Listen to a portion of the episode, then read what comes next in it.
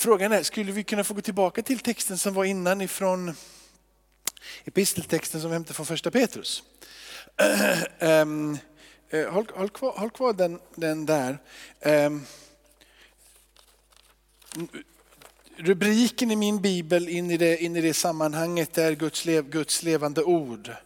Eh, och Guds levande ord, eh, att det finns någonting att äta ifrån Gud. Gud har gett någonting. Det är ordet som förvandlar oss.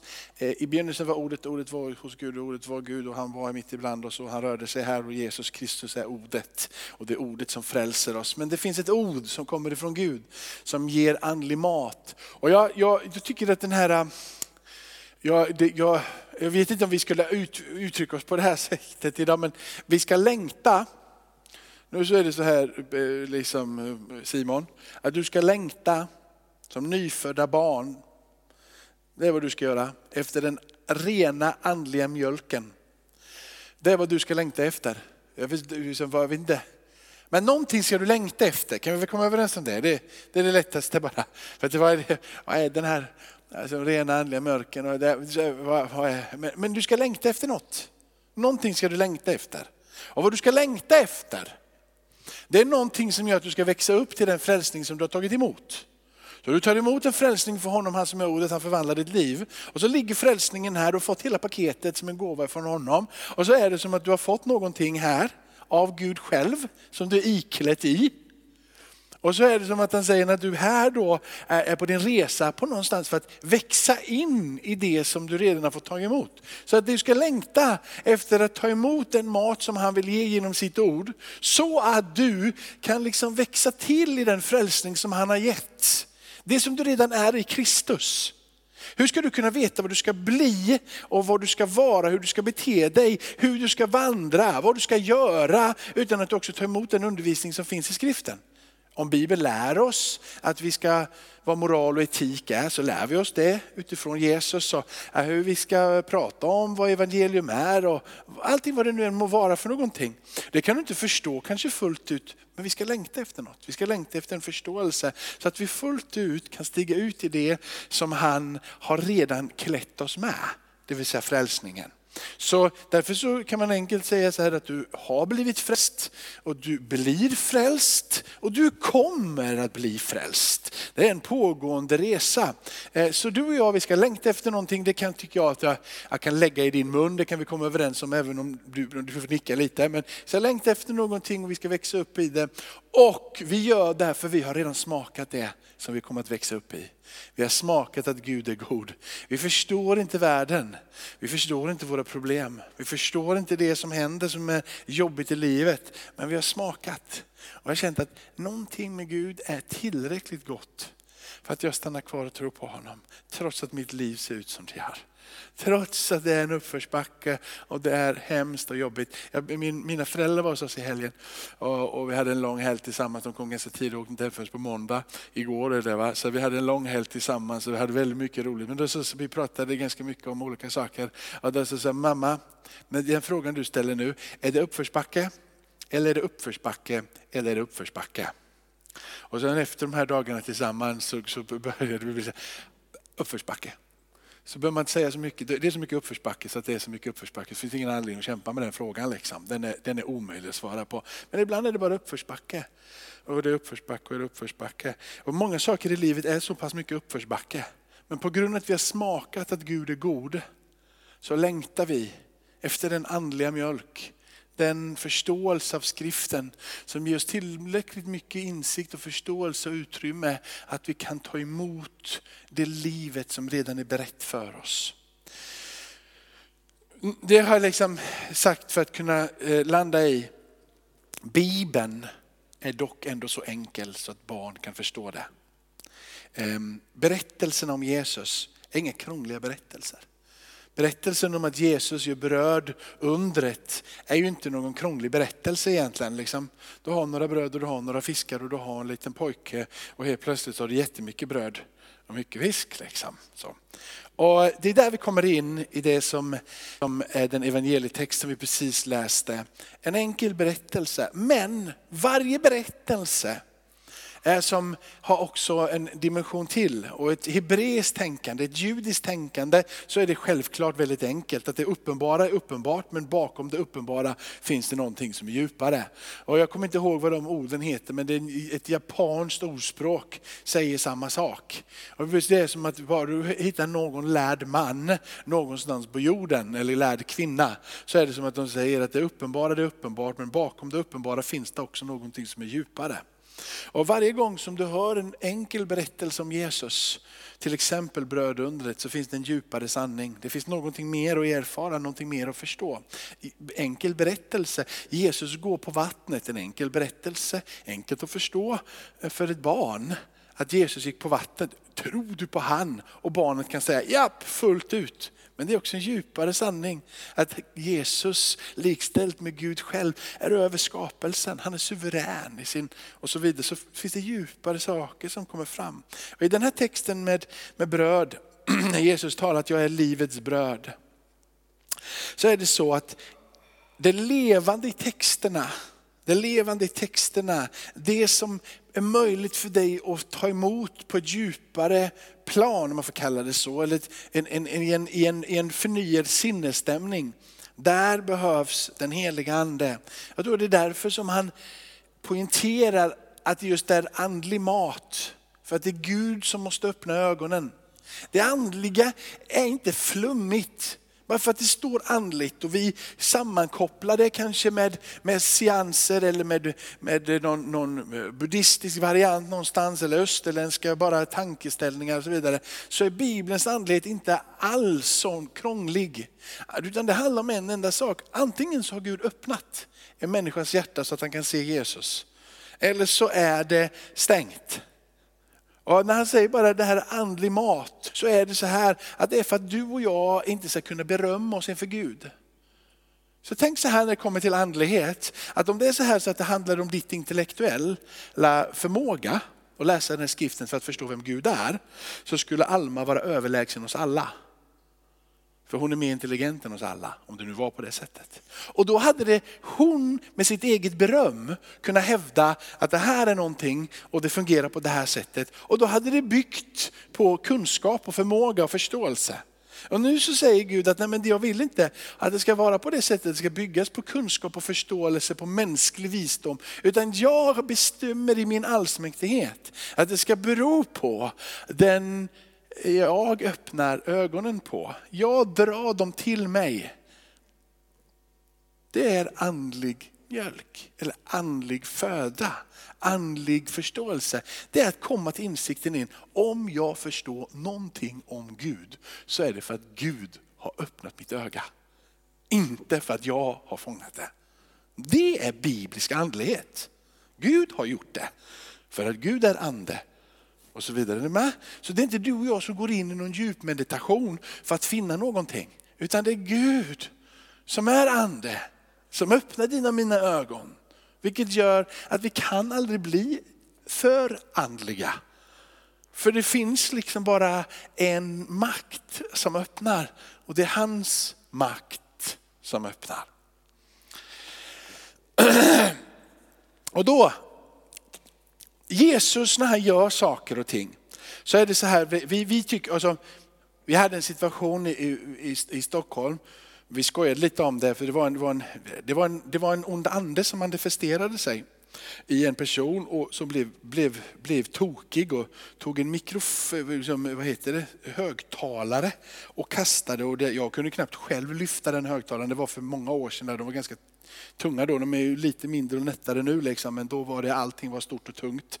Jag kunde knappt lyfta den själv men, men den här eh, späda eh, kvinnan kunde liksom ta den över huvudet och kasta. Man kände att det här är helt orimligt liksom, och obehagligt som det blir. Och, och, så, och, och så vidare. I det här sammanhanget, nu så, vad i hela världen skulle jag säga med detta? Jag tappade, tappade, jag tappade tråden helt och hållet bara för Ja, men det var inte, det var inte det så, som det hände för att Jo, det, och, och då, då, så var det så här att då fick vi säga bli, bli stilla och, och, och vi, vi, sa liksom i Jesu namn försvinn och så tog vi personen bakom. Och då är det så här att när den onde gör någonting och när det är saker och ting så är det mycket sensation runt alltihop. Det är så mycket som händer så man, man blir överväldigad av det. Och, och, jag skulle inte säga att Gud gör någonting och det inte blir sensation. För ibland när han gör saker och ting i Bibeln så står de blir helt häpnadsväckande. De blir helt förstummade. Det var så mycket som hände så de bara, vad är detta? Så det ser vi också. Men när Jesus gör någonting ofta så är det inte att han gör det för att väcka sensation. Det kan bli sensation. Men han gör det inte för att det ska bli sensation och att det ska bli snack i stan. Utan han gör det för att han vill väcka någonting i ditt och mitt liv. Han vill väcka tro i ditt och mitt liv. När Gud gör underverk så gör han det för att väcka tro i ditt och mitt liv. Han Alltså tro på vem han är och vad han gör. Jesus säger så här att det främsta tecknet, det största tecknet som finns i Bibeln, det säger Jesus själv att det är Jonatecken. Han säger det i Matteus 12, det största tecknet. Det är, liksom, det är det överklassande. Och det är ett ganska märkligt tecken. Men varför är det det största tecknet? För på ytan så är det sensation. Egentligen. Det är en pojk, eller en man som heter Jona, som får en kallelse av Gud att gå och predika. Och han den här Jona tycker att det här är lite läskigt att gå till Nineve och predika, så jag väljer att inte gå och predika. Och då när han väljer att inte gå och predika så går han på ett, eh, på ett skepp och ska åka iväg långt bort med det här skeppet. Och när han är iväg långt bort på det här skeppet så blir det en storm. Och på den här stormen så inser han att det är jag som är problemet, det är därför stormen är här. Så då så säger han till de här besättningen, kasta mig över bord. Och kastar ni mig över bord så kommer stormen att stilla. De säger, vi kan inte göra det här, det här är fel. Och sen så, håller de lite, och sen så väcker de ändå honom där och så säger de till honom att vi får nog kasta dig över bord ändå. Eh, och så ber de till Gud att låt inte det här drabba oss för att vi gör det här på det här sättet. Så kastar de han över bord, han sjunker ner och där så är det en fisk som, som slukar upp honom. Ni hör bara berättelsen är ju, men tänk på att om du är här och du är kristen så tror du på jungfrufödseln också. Det är liksom helt orimligt det också. Liksom. Så att, det, det, det, Gud gör någonting och lägger någonting och vi måste bara ibland böja oss för hur i hela världen, hur fick han syre där nere och så vidare. Men vänta lite innan den här berättelsen är slut innan du dömer ut Bibeln om du aldrig läst berättelsen.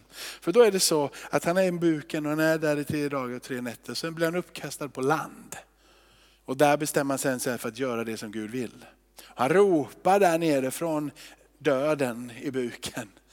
Och, och vi, han hörde mig där. Han lyssnade på mig. Och så får man vittnesbördet av att han hörde Gud, han var en ropare i nöden här nere, en ropare. Men det stora med berättelsen är inte själva berättelsen. Utan det är den att Jesus likställer sig med Jona när han själv sen dör och är begravd och uppstår på tredje dagen. Det är som att berättelserna är inte där för att väcka eh, liksom, sensation och förundran. Och liksom, kan vi överhuvudtaget tro på det här? Utan det finns en djupare sanning i berättelserna som finns. Som kan klargöra för dig och mig vad som skedde med Jesus. Och vem Jesus verkligen är. Och vi kan ta emot han som frälsare i alla avseenden berättelsen är där. Inte för att du och jag ska sitta här många år senare och förundras över varför den är där. Utan för att den ska klargöra för dig och mig ännu mer vem Jesus är. Med. Och så är det med alla berättelser. De ska berättas om och om igen för att de ska forma din och min tro. För varje gång som vi pratar om en berättelse och berättar berättelsen och vittnar om berättelsen så är det så att vi formas på våran insida. För vi har en Gud som är levande och som är verksam när vi talar om honom och vem han är.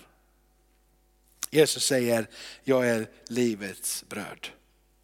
Det här brödet är ett tecken på att det finns någonting att ta emot.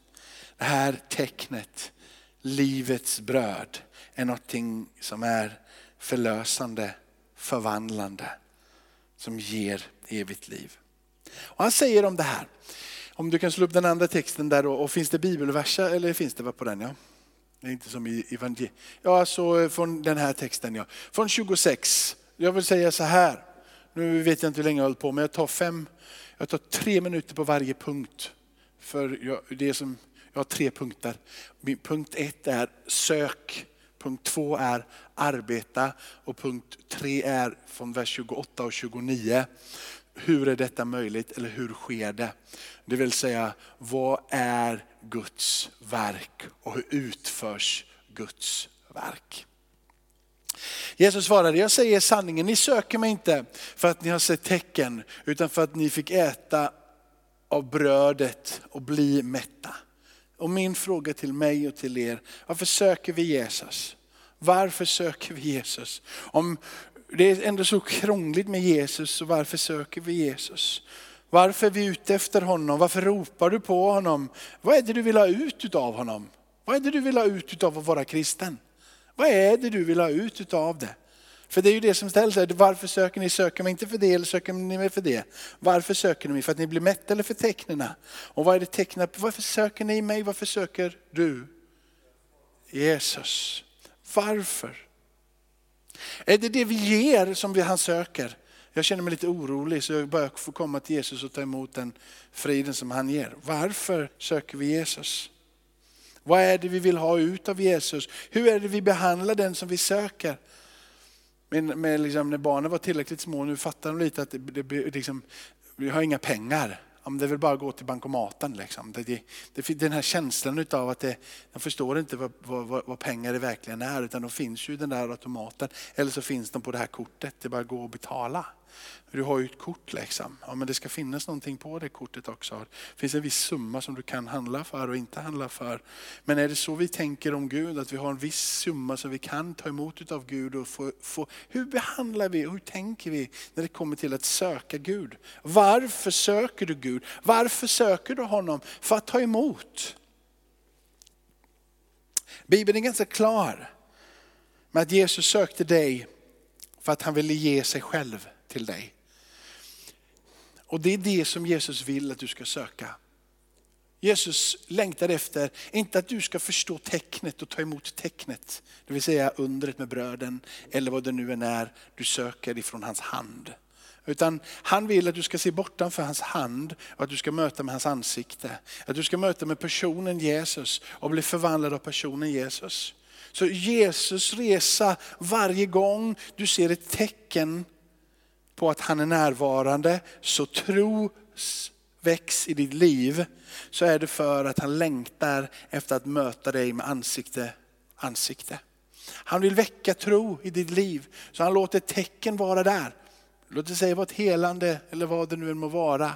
Någonting sker som blir ett tecken på att han är närvarande. Så du ska lämna fokus ifrån hans händer för att titta han i ansiktet och bli förvandlad av vem han är. Han vill att du ska möta honom ansikte mot ansikte.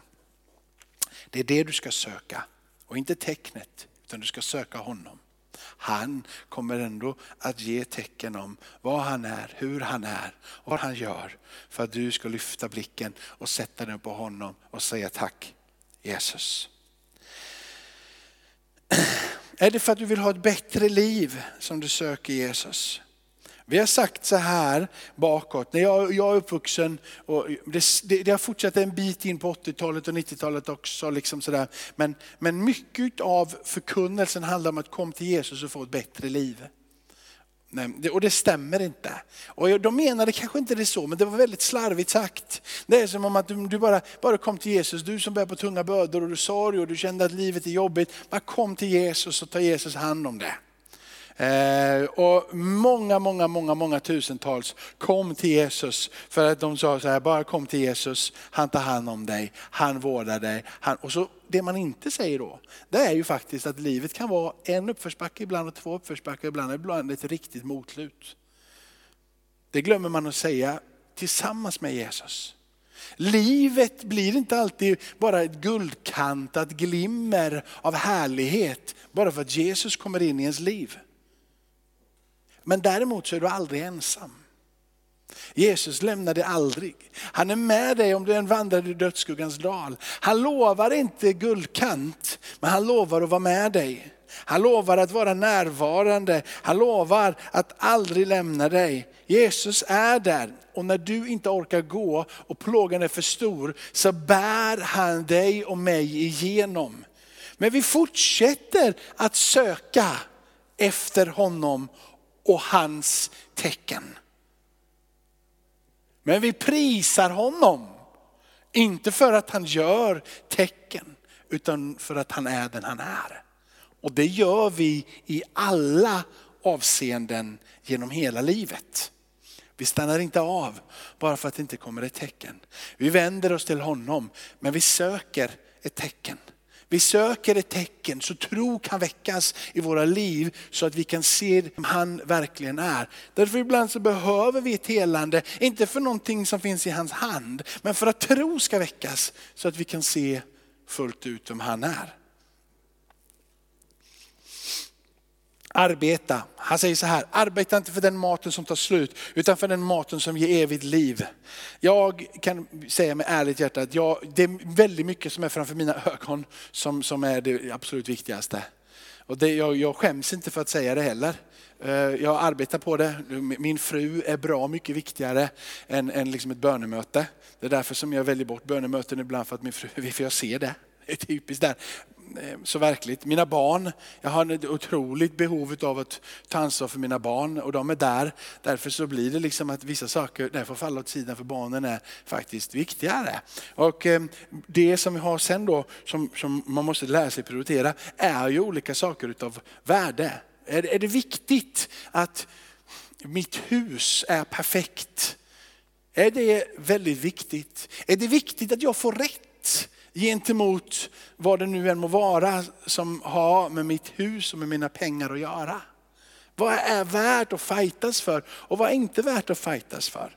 Konsekvensen är om jag bråkar om småsaker som på ytan kan vara viktigt men som bara är det synliga. Så tar det skada för de relationer och det som ligger framför. Och helt plötsligt så har jag tagit bort det som verkligen betyder någonting. Det livet med Gud som är borta för det som är det fysiska. Den andliga dimensionen av mitt liv, det som är här och nu, är det som blir så viktigt. Så jag arbetar på att få rätt för det som är här. Men jag tänker inte på det som är min eviga status, mitt eviga liv och mina eviga belöningar. Och det som har med den nästkommande världens skatter att göra. Jag måste ha rätt här och nu, så jag har svårt att böja mig. Du och jag Patrik, vi hade en sån situation här innan idag. Det var en liten sketen nyckel som kom i vägen. Och så den här nyckeln som vi hade här som vi pratade om, den nyckeln liksom var, var, blev en frustration. För att den nyckeln var borta och den skulle vara på ett speciellt ställe och vi skulle hitta den och vi skulle vara den. Och den var så viktig så att det var så viktigt till slut så tittade jag på Patrik och sa, du var lite arg, får jag säga så? Eller du flåsade lite. Så Patrik, det är en nyckel. En nyckel. Vad spelar det för någon roll? Det är en nyckel. Det tar bort ditt humör. Det tar bort din förmåga att kunna resonera. Jag hör dig flåsa, jag hör dig... Släpp, det är en nyckel. Och efter det lilla samtalet så är jag övertygad om att du inte mådde sämre i alla fall. Ibland så läggs fokus på det som är precis oväsentligt. Vi måste lära oss att höja blicken för det som händer är att när han går ut ifrån det, liksom situationen och han har varit lite frustrerad. Så kärvan kan inte du ta datorn liksom och bara kolla alla dörrarna så att allting fungerar. Bara, liksom, lugna ner. Och du skulle hem och du skulle ut till hissingen och du skulle hämta nyckeln. Och skulle, du, det var så mycket som hände. Är du med? Och det här så gör du och jag. Nu fick ju det här, jag vet jag, Helena och jag, det blir sådana småsaker ibland man bråkar om så att det finns inte. Jag blev så frustrerad på Novali för ett litet tag sedan och vi brukar inte bli frustrerade på varandra. Och efteråt, vi har varit frustrerade på varandra, så sa hon till mig, pappa, vi ska aldrig bli ovänner. Så nej, vi håller oss till det. Och så nu, nu, har, nu har vi, kämpar vi för det, att aldrig mer bli ovänner. Eller hur? För det skadar bara. Det förstör. Båda två blir oroliga, eller hur? Det finns en högre väg att gå. Vad är det för några skatter vi samlar? Vad är det vi kämpar för? Vad är det vi arbetar för? Vad är det som är det viktiga? Vad är det vi försöker fånga in? Han säger, sätt blicken lite högre. Inte ett högre perspektiv, inte en högre dimension. Titta inte bara till det som är större, men våga istället bli utmanad av Gud. Att våga både tänka större och att leva större. Det är det han säger. Våga anta det liv som det eviga livet är berättat rätt för dig. Vågar du vara större? Och hur gör man detta? Nu blev det någon minut till så nu får jag sluta här. Så predikar ju sönder era huvuden. Vers 28 och vers 29 så går vi för landning snabbt.